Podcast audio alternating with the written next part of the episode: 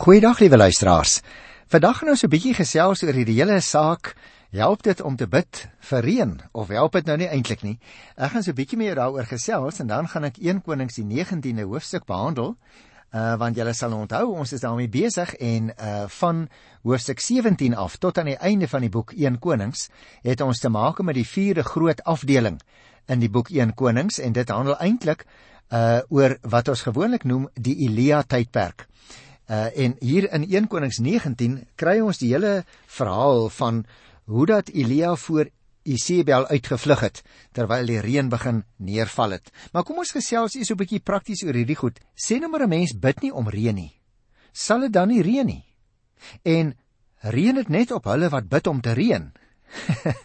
nou ja, wat sou ons daaroor sê? Kom ek gesels 'n bietjie daaroor. Liewe luisteraar, ons moet natuurlik besef ook as Christus gelowige mense, dit reën nie net omdat mense daarom bid nie. Selfs al bid mense nie om reën nie, sal dit nogtans reën, want God weet uit homself wat die aarde nodig het. Jy sien die oplossing van 'n droogte is nie dat dit moet reën nie.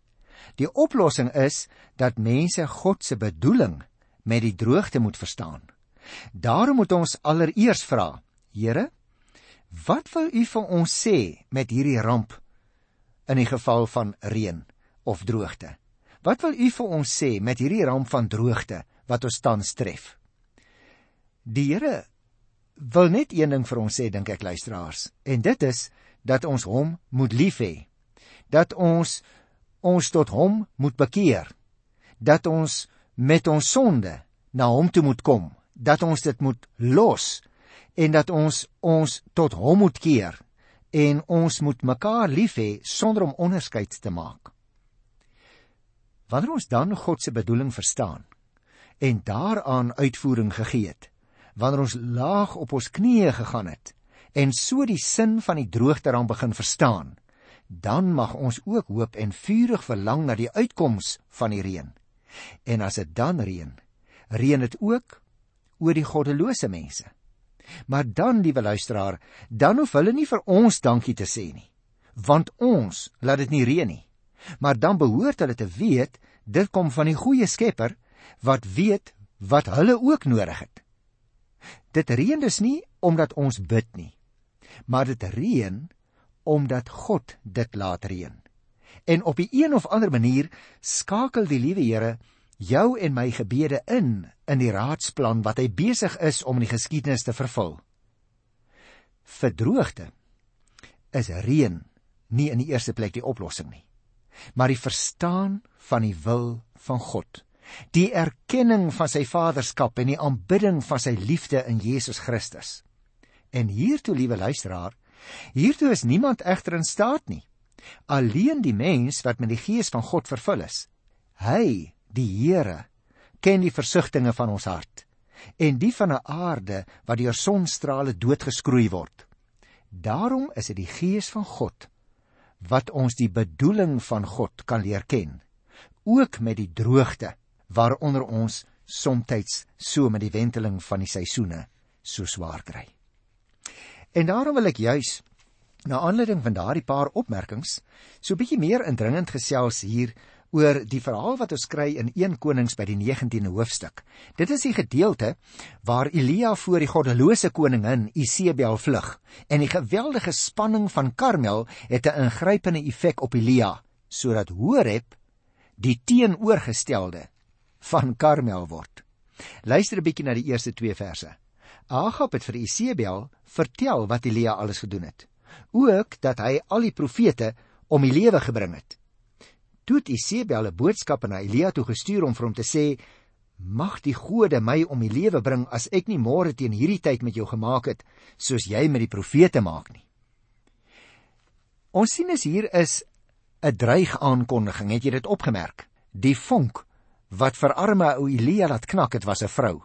Isebel, die eintlike mag agter die troon, was woedend Haar profete is doodgemaak. Haar gesag is aangetas en die sterk invloed van Elia het nou vir haar gevaar ingehou en daarom dreig sy met weerwraak. Interessant dat ons lees hier in die eerste 3 verse dat Agab vir sy vrou Isebel vertel het van die Karmel gebeure. Weens die dood van die Baal profete spreek sy nou die vonnis oor Elia uit dat hy binne 24 uur doodgemaak kan word. Luister weer wat sê sy daar in die tweede deel van vers 2. Mag die gode my om die lewe bring. As ek nie môre teen hierdie tyd met jou gemaak het soos jy met die profete nie. En dan sê die derde vers: Elia het bang geword en terwyl hy van sy lewe gevlug. Toe hy by Berseba in Juda kom, het hy sy slaaf daar agtergelaat. Jy sien liewe luisteraar by die aanhoor van die vonnis wat vir hom wag, het Elia bang geword lees ons. Nou hierdie mededeling staan natuurlik in baie skrille kontras met die gebeure in die vorige hoofstuk. Daar word Elia beskryf wat in volle geloofsvertroue as dit ware die hele wêreld van daardie omgewing uitgedaag het. Maar nou is hy bang. Wat het intussen gebeur? Jy sien, die woord bang en aanvegting beskryf wat met hom gebeur het die beste. Aanvegting, liewe luisteraar, is mos 'n integrerende deel van jou en my geloofslewe. Luther, die ou kerkvader het gesê, geen gelowige kan aanvegting ontbeer nie.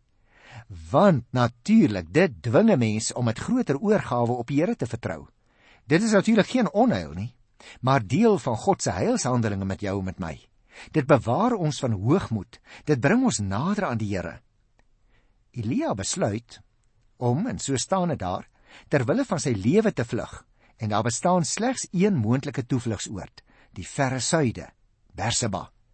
In Israel kon hy natuurlik nie langer bly nie en in Juda is hy ook nie baie veilig nie.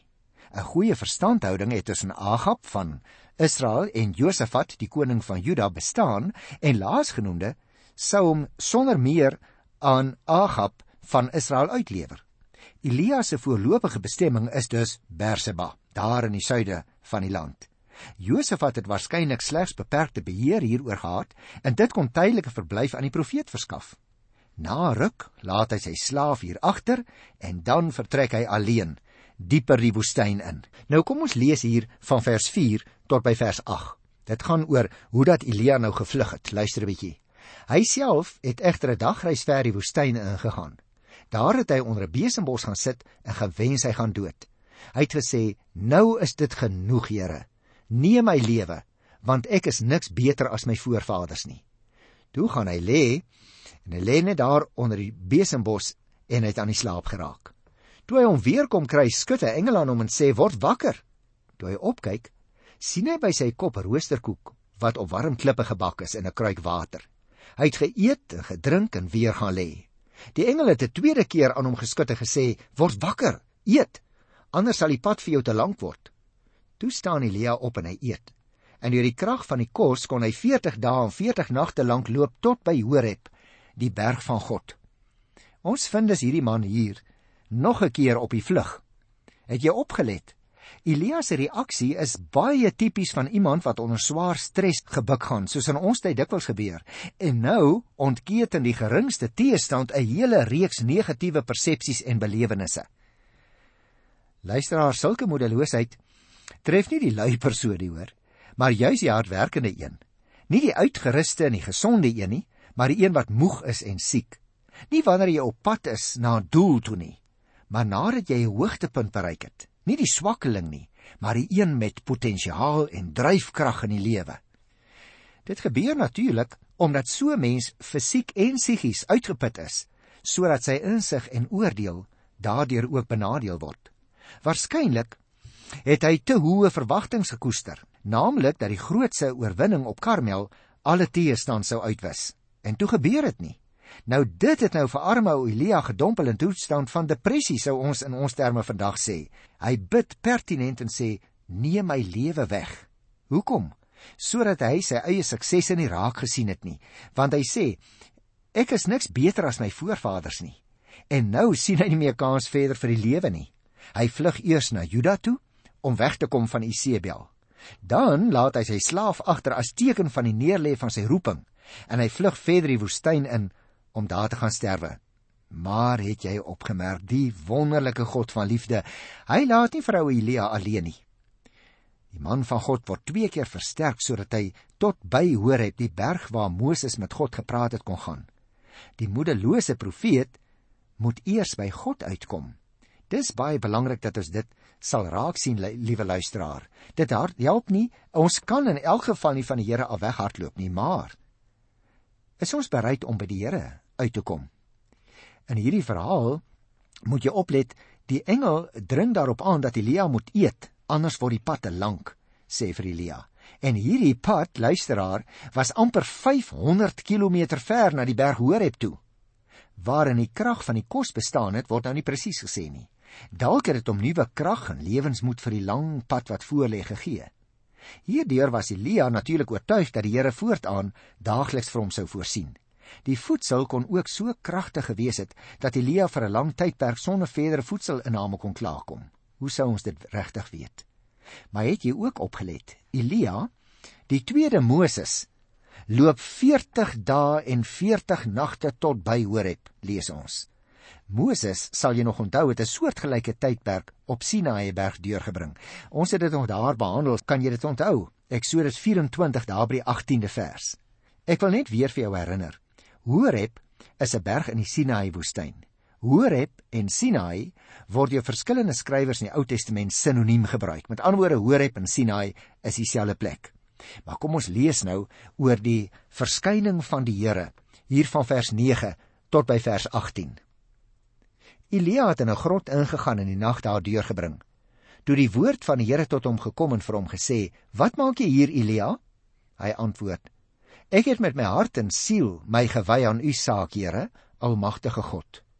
Die Israeliete het die verbond met u verbreek. Hulle het u altare afgebreek en die profete doodgemaak. Net ek alleen het oorgebly en hulle soek my nou ook om my om die lewe te bring. Maar die Here sê vir hom: Kom uit. Gaan staan op die berg voor my, die Here. Ek wil verbygaan. Skielik was daar 'n baie sterk wind wat die berg stukkend geruk en die rotse gebreek het voor die Here. Maar in die wind was die Here nie. Na die wind was daar 'n aardbewing, maar in die aardbewing was die Here nie. Na die aardbewing was daar 'n vuur, maar in die vuur was die Here nie. En na die vuur was daar 'n fluistering in die windstilte. Toe Elia dit hoor, het hy sy gesig met die mantel toegemaak en by die bek van die grot gaan staan. Toe hoor hy 'n stem wat vir hom sê: Wat maak jy hier, Elia? En hy het geantwoord: Ek het my met hart en siel gewy aan U saak, Here Almagtige God. Die Israeliete het die verbond met U verbreek. Hulle het die altare afgebreek en die profete doodgemaak. Net ek het oorgebly en hulle soek my om my ook om die lewe te bring. Maar die Here sê vir hom: Draai in jou spore om na die Damaskus woestyn toe. En as jy daar aangekom het, moet jy vir Gesaal salf tot koning van Aram. Jy moet ook vir Jehu die seun van Nimsi salf tot koning van Israel en vir Elisa die seun van Safat uit Abel Megola moet jy salf tot profeet om jou op te volg. En dit dan sal dit so wees Wie Gesaal se swaard vryspring, Jehu sal hom doodmaak, en wie Jehu se swaard vryspring, Elisa sal hom doodmaak. Maar ek, ek sal in Israel die 7000 laat oorbly wat nie die Baal beeld aanbid het nie. Nou ek wil baie graag dat ons 'n bietjie indringend hieroor gesels, liewe luisteraar, hierdie godsverskyning van die Here.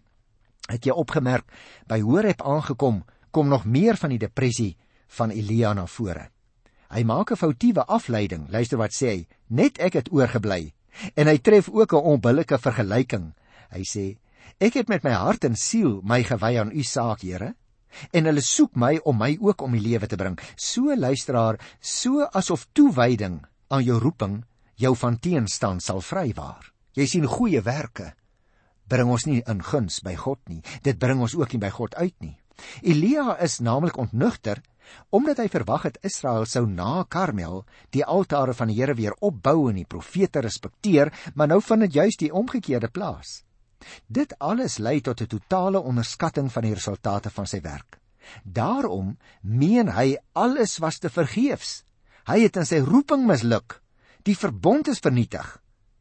Elia, het jy opgemerk, het dus 'n verkeerde persepsie van sake. En hierdie misleiding het die werklikheid in 'n donker skaduwee toegerol. Hy kan dit nie meer sien nie. Is met jou en met my ook so. As ons omstandighede donker en soel word, dan verloor ons dikwels heeltemal perspektief op die Here en op sy plan met ons. En daarom lees ons in die 9de vers en ook in die 13de vers. Praat die Here twee keer met hom daar by die grot en vra: "Wat maak jy hier, Elia?" Liewe luisteraar, dit lyk vir my so bietjie na 'n verwyte, nie vir jou nie of hoe? Die Here neem naamlik vir Elia kwaadlik omdat hy sy pos in Noord-Israel verlaat het en nie in die geloof vasgestaan het nie. En Elia se antwoord, daar in vers 10 en weer in vers 14, is eintlik 'n baie powere verdediging hoor. Dit is immers Isebel wat soek, maar Elia praat van die Israeliete se sonde. Miskien verwys hy na die hele Noordryk, die koningshuis en die volk. Hy praat ook van die verbond en dit dui natuurlik op die besondere verhouding tussen God en Israel. Vanweë die verbondsverhouding het die Here bevestig dat Israel sy eiendom is en dat hy hulle God is. Israel het egter van hulle kant daardie verbond verbreek. En nou, dis nogal interessant, né, om op te merk. Dis die eerste keer dat ons verneem van die altare wat afgebreek en die profete wat doodgemaak is. Jo, Elia is heeltemal ontnugter en daarom praat hy oor hierdie goed. Hy het hom vereenselwig met die saak van die Here en hom hart en siel daaraan gewy, sê hy twee keer. En kyk nou net hoe reageer Israel. Ter bemoediging van Elia verskyn die Here nou op 'n baie interessante manier. Eers is daar 'n sterk wind wat die berg ruk en die rotse breek, die gewone reaksie van die natuur op die koms van die Here, né? Gaan kyk maar daar in Eksodus 19 en ook in Rigters 5. Die Here was nie in die rukwind nie, lees ons. Die aardbewing ook nie, of hy was ook nie in die vuur nie, die fluistering in die windstilte. Dit illustreer die geestelike karakter van die Here as ook sy liefdevolle en intieme omgang met sy profete. En toe Elia dit eers besef, maak hy sy gesig met sy mantel toe. Vir Moses het die Here sommer self met sy hand toegemaak sodat hy die Here net van agter sou sien. Gaan lees maar weer daar in Eksodus 33 van die 22ste vers af. Nou is die vraag natuurlik, liewe luisteraars, die Here sorg selfs vir gelowiges wat getrou sal volhard. Die gedagte aan mense wat nog sal oorbly, word in die profetiese literatuur nader uitgewerk. Wat sê mense nou eintlik vir so 'n persoon? Moet jy toegee as hy sê dis darme 'n verskriklike ding wat jou getref het en hom maar net so met sy verkeerde persepsie versterk? Of moet jy hom probeer reghelp en sê toe maar dis nou nie heeltemal so erg nie en so die werklikheid van sy belewenis eintlik ontken? Het jy opgemerk? Die Here het heeltemal 'n ander pad met Elia geloop. Mag ek so 'n paartjies daarvan vir jou uitlig? Nommer 1. Allereers was daar empatie en ondersteuning van die Here se kant, liggaamlik en geestelik. Want die Here gee vir hom kos en natuurlik nog weer die moontlikheid om na Horeb toe te gaan. Tweedens, daar kom 'n roep tot verantwoordelikheid van die Here se kant. Wat maak jy hier, Elia? Die derde ding wat my opmerk is 'n stukkie bemoediging, naamlik die Here verskyn aan Elia. Vierdens is daar 'n bevestiging van vertroue deur 'n nuwe opdrag vir hom te gee. Jy sien niks werd nie Elia, kom ek gee jou 'n nuwe opdrag. En die vyfde ding wat ek hier opmerk is 'n beeld van die werklikheid. Die Here sê, ek sal in Israel die 7000 laat oorbly. En dan kom ons by die laaste versies in die hoofstuk hier van vers 19 af tot by vers 21. Nadat Elia daarvan na weggegaan het, kry vir Elisa die seun van Safat besig om te ploeg met 12 spanne van 2 terwyl hy self die agterste span geloop het. Toe Elia by hom verbyloop, gooi Elia sy mantel op hom. Hy het sy osse net so gelos en agter Elia aangehardloop en gesê: "Laat ek tog net my ma en pa gaan groet, dan sal ek saam met u gaan." Elia antwoord hom toe: "Gaan as jy wil. Ek hou jou mos nie terug nie." Toe draai Elisa om en gaan slag twee osse en met die juk het hy vleis gebraai en vir sy werksmense gegee om te eet. Daarna het hy saam met Elia gegaan en sy volgeling geword. Interessante versies wat ons hier kry want hier word Elia se opvolger aangewys, naamlik Elisa. Liewe luisteraar, om op God se roepstem te antwoord, vra dikwels van jou en van my ook offers. Dis geen maklike weg nie, hoor. Hy wat antwoord op die roepstem van die Here moet bereid wees om die moeilike, dikwels die eensame pad saam met die Here te loop. Hieraan natuurlik het die Here Jesus se koms geen verskil gemaak nie, want die Here Jesus bevestig dit juis self wanneer hy in Matteus 8 daar van die 21ste vers en ook in Lukas 9 vers 62 iets van hierdie episode laat weer klink. Elisa reageer onmiddellik en met die offerande bevestig hy sy toewyding aan sy nuwe roeping en sy totale breuk met sy ou lewe. Nou wil ek daarom net graag ten slotte enkele opmerkings hier maak want jy sien ons kry in hierdie gebeure wat ons nou net gelees het in 1 Konings 19 drie soorte reaksies. Daar's eerstens die reaksie van die heidene. Dieselfde reaksie as jy en ek ook uh waarneem by 'n ongelowige. Uh wanneer hulle byvoorbeeld begin praat. Die eerste vers sê vir ons dat Agab vir sy vrou Isebel alles wat Elia gedoen het, vertel het. Nou luister nou, toe die krisis kom, die droogte en die reën, toe sit die heidene, die gelowiges onder die vergrootglas. Wat doen hy? Wat sê hy? En miskien het jy en ek dit al vergeet.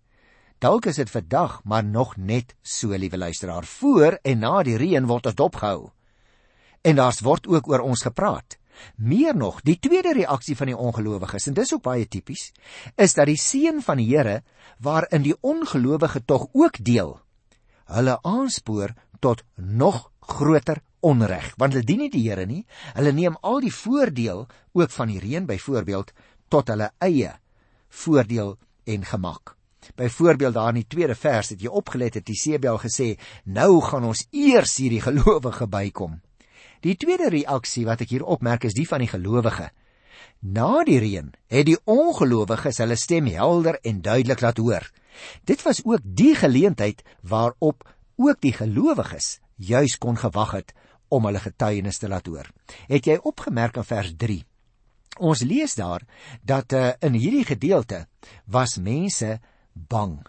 Hulle het gevlug in plaas daarvan dat Elia gejubel het en die ongelowiges vierkant in die oë gekyk het, toe vlug hy nog verder weg. Die 4de vers sê ons ook iets van die reaksie van die gelowige. Dat Elia onder 'n besembos in die woestyn gaan lê het en gewens het dat hy mag sterwe in plaas daarvan dat hy op Karmel 'n lofsang gaan aanhef het. In die 5de vers staan er nog iets. Dat Elia aan die slaap geraak het, soos die disippels in die skuit, in plaas daarvan om die tyd uit te koop as 'n getuie vir die Here. O, oh, ek lees nog iets van die gelowiges se reaksie in vers 9. Elia het by Horeb die nag in die grot deurgebring, waarskynlik dieselfde plek waar Moses in Eksodus 33 vers 22 gewag het op die verskyning van die Here. En dan in vers 10 en vers 14 'n laaste opmerking. Dat Elia die Here as dit ware verwyd en sê, "Kan jy dit glo?" Hy sê, Ek het u met alles wat ek het en is gedien en kyk nou net wat kry ek daarvoor. Mag ek vra, luisteraar, watter getuienis is daar van jou en wat van my uitgegaan het na die reën, na enige ander soort van seën deur die Here? Het ons dit benut as 'n bewys van die goedheid van die Here? Of lewe ons alweer almal rustig voort, maar net soos gister en eergister, baie kere getuienisloos en kragteloos, want die Here het ons mos nou gegee wat ons gevra het. Is dit met jou ook so? Ek wil jou ten slotte baie kortliks op 'n derde reaksie wys, die reaksie van die vreemdelinge. Die eerste is daar die 7000 mense in vers 18. Hulle wat die Baalbeeld nie aanbid het nie. Die getal beteken nie noodwendig presies 7000 nie. Dit het dalk ook sommer maar net die bedoeling van die heilige res, die ware gelowiges, vreemdelinge vir die wêreld, die wie so foto nooit die dagpers haal nie. Maar die ouens wat die Here getrou bly dien het. En dan is daar 'n ander groepie in vers 19. Elisa. Hy wat besig is om te ploeg toe Elia verbykom. In vers 20 los hy die osse en sy ouers en hy gaan groet hulle vir die laaste keer. In vers 21 slag hy twee van die osse vir die afskeidsmaal aan sy werksmense. Hy sal die getuienis van Elia nuut opneem om te gaan vertel van die God wat die reën gee en onder wie se getroue en sorgende hand selfs die beere in die bos 'n lewensmoontlikheid vind. Liewe luisteraar, hoe reageer jy? Hoe reageer ek op die seën van die Here? Anders as die ongelowiges? Ons is die getuies wat die genade van God mag bely in elke versorging wat hy doen, of dit reën is, of dit voorspoed is, of dit die blomme is wat hy laat oopgaan op die nuwe môre. Kom ons getuig van die Here in wie ons glo. Ek groet jou in sy wonderlike naam tot volgende keer. Totsiens.